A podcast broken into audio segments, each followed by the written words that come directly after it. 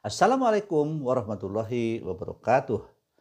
Para mahasiswa yang budiman, selamat berjumpa kembali dalam perkuliahan online mata kuliah umum pendidikan Pancasila. Pertemuan kali ini akan membahas topik Pancasila Bintang Penuntun Hidup Era Pasca Modern. Berbagai persoalan kontemporer yang ditimbulkan oleh intensifikasi dan ekstensifikasi arus globalisasi sesungguhnya telah diantisipasi oleh Pancasila sebagai dasar filosofis negara, termasuk filosofi kebudayaan nasional. Mari kita cermati.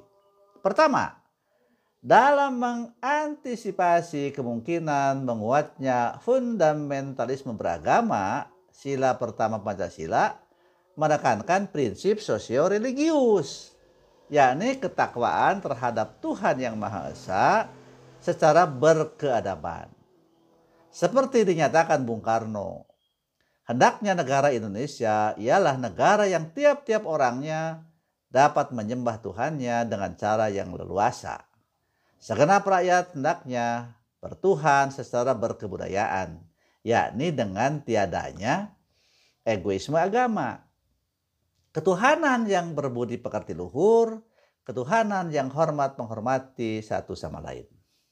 Kedua, dalam mengantisipasi dampak-dampak destruktif dari globalisasi dan lokalisasi dalam bentuk homogenisasi dan partikularisasi identitas, prinsip sosionasionalisme yang tertuang dalam sila kedua dan sila ketiga Pancasila telah memberikan jawaban yang jitu dalam prinsip sosionasionalisme, kebangsaan Indonesia adalah kebangsaan yang mengatasi paham perseorangan dan golongan, berdiri atas prinsip semua untuk semua atau civic nationalism.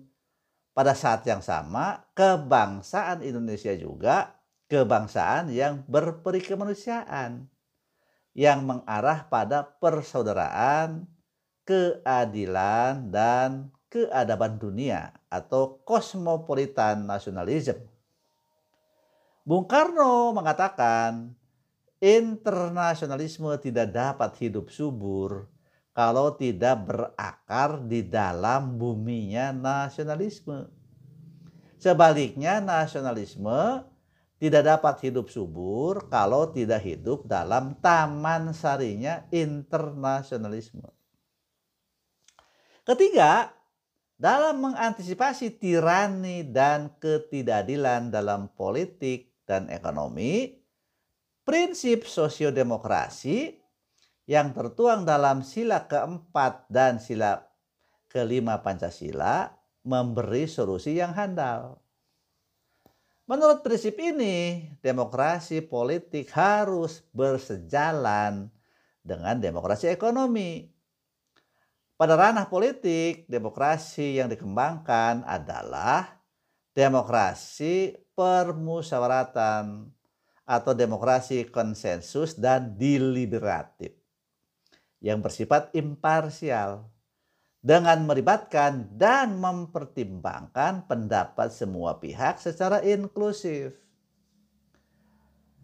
Pada ranah ekonomi, negara harus aktif mengupayakan keadilan sosial dalam rangka mengatasi dan mengimbangi ketidaksetaraan yang terjadi di pasar dengan jalan menjaga iklim kompetisi yang sehat, membela yang lemah, serta berinvestasi dalam public goods yang menyangkut hajat hidup orang banyak. Inilah konsep demokrasi sosial. Simpulannya dengan semangat dasar kelima prinsip Pancasila, negara bangsa Indonesia memiliki pandangan dunia yang begitu visioner dan tahan banting. Tidak lapuk oleh hujan, tidak lekang oleh panas. Prinsip-prinsip dasar Pancasila mampu mengantisipasi dan merekonsiliasi masalah-masalah sebagai berikut. Pertama, antara paham kenegaraan radikalisme sekularis dan radikalisme keagamaan. Kedua, antara paham kebangsaan homogenis dengan tribalisme atapistis. Ketiga, antara paham kebangsaan yang chauvinis dengan globalisme triumpalis. Keempat, antara paham ekonomi etatisme dengan kapitalisme predatoris. Para mahasiswa yang budiman, diperlukan puluhan tahun sejak Perang Dunia Kedua bagi bangsa-bangsa lain untuk memasuki jalan tengah kemasan ini. Adapun bangsa Indonesia telah meletakkan di titik awal berdirinya Republik Indonesia. Sayang kita seolah-olah hanya dapat memulainya, akan tetapi kurang gigih dalam merawat dan mengembangkannya.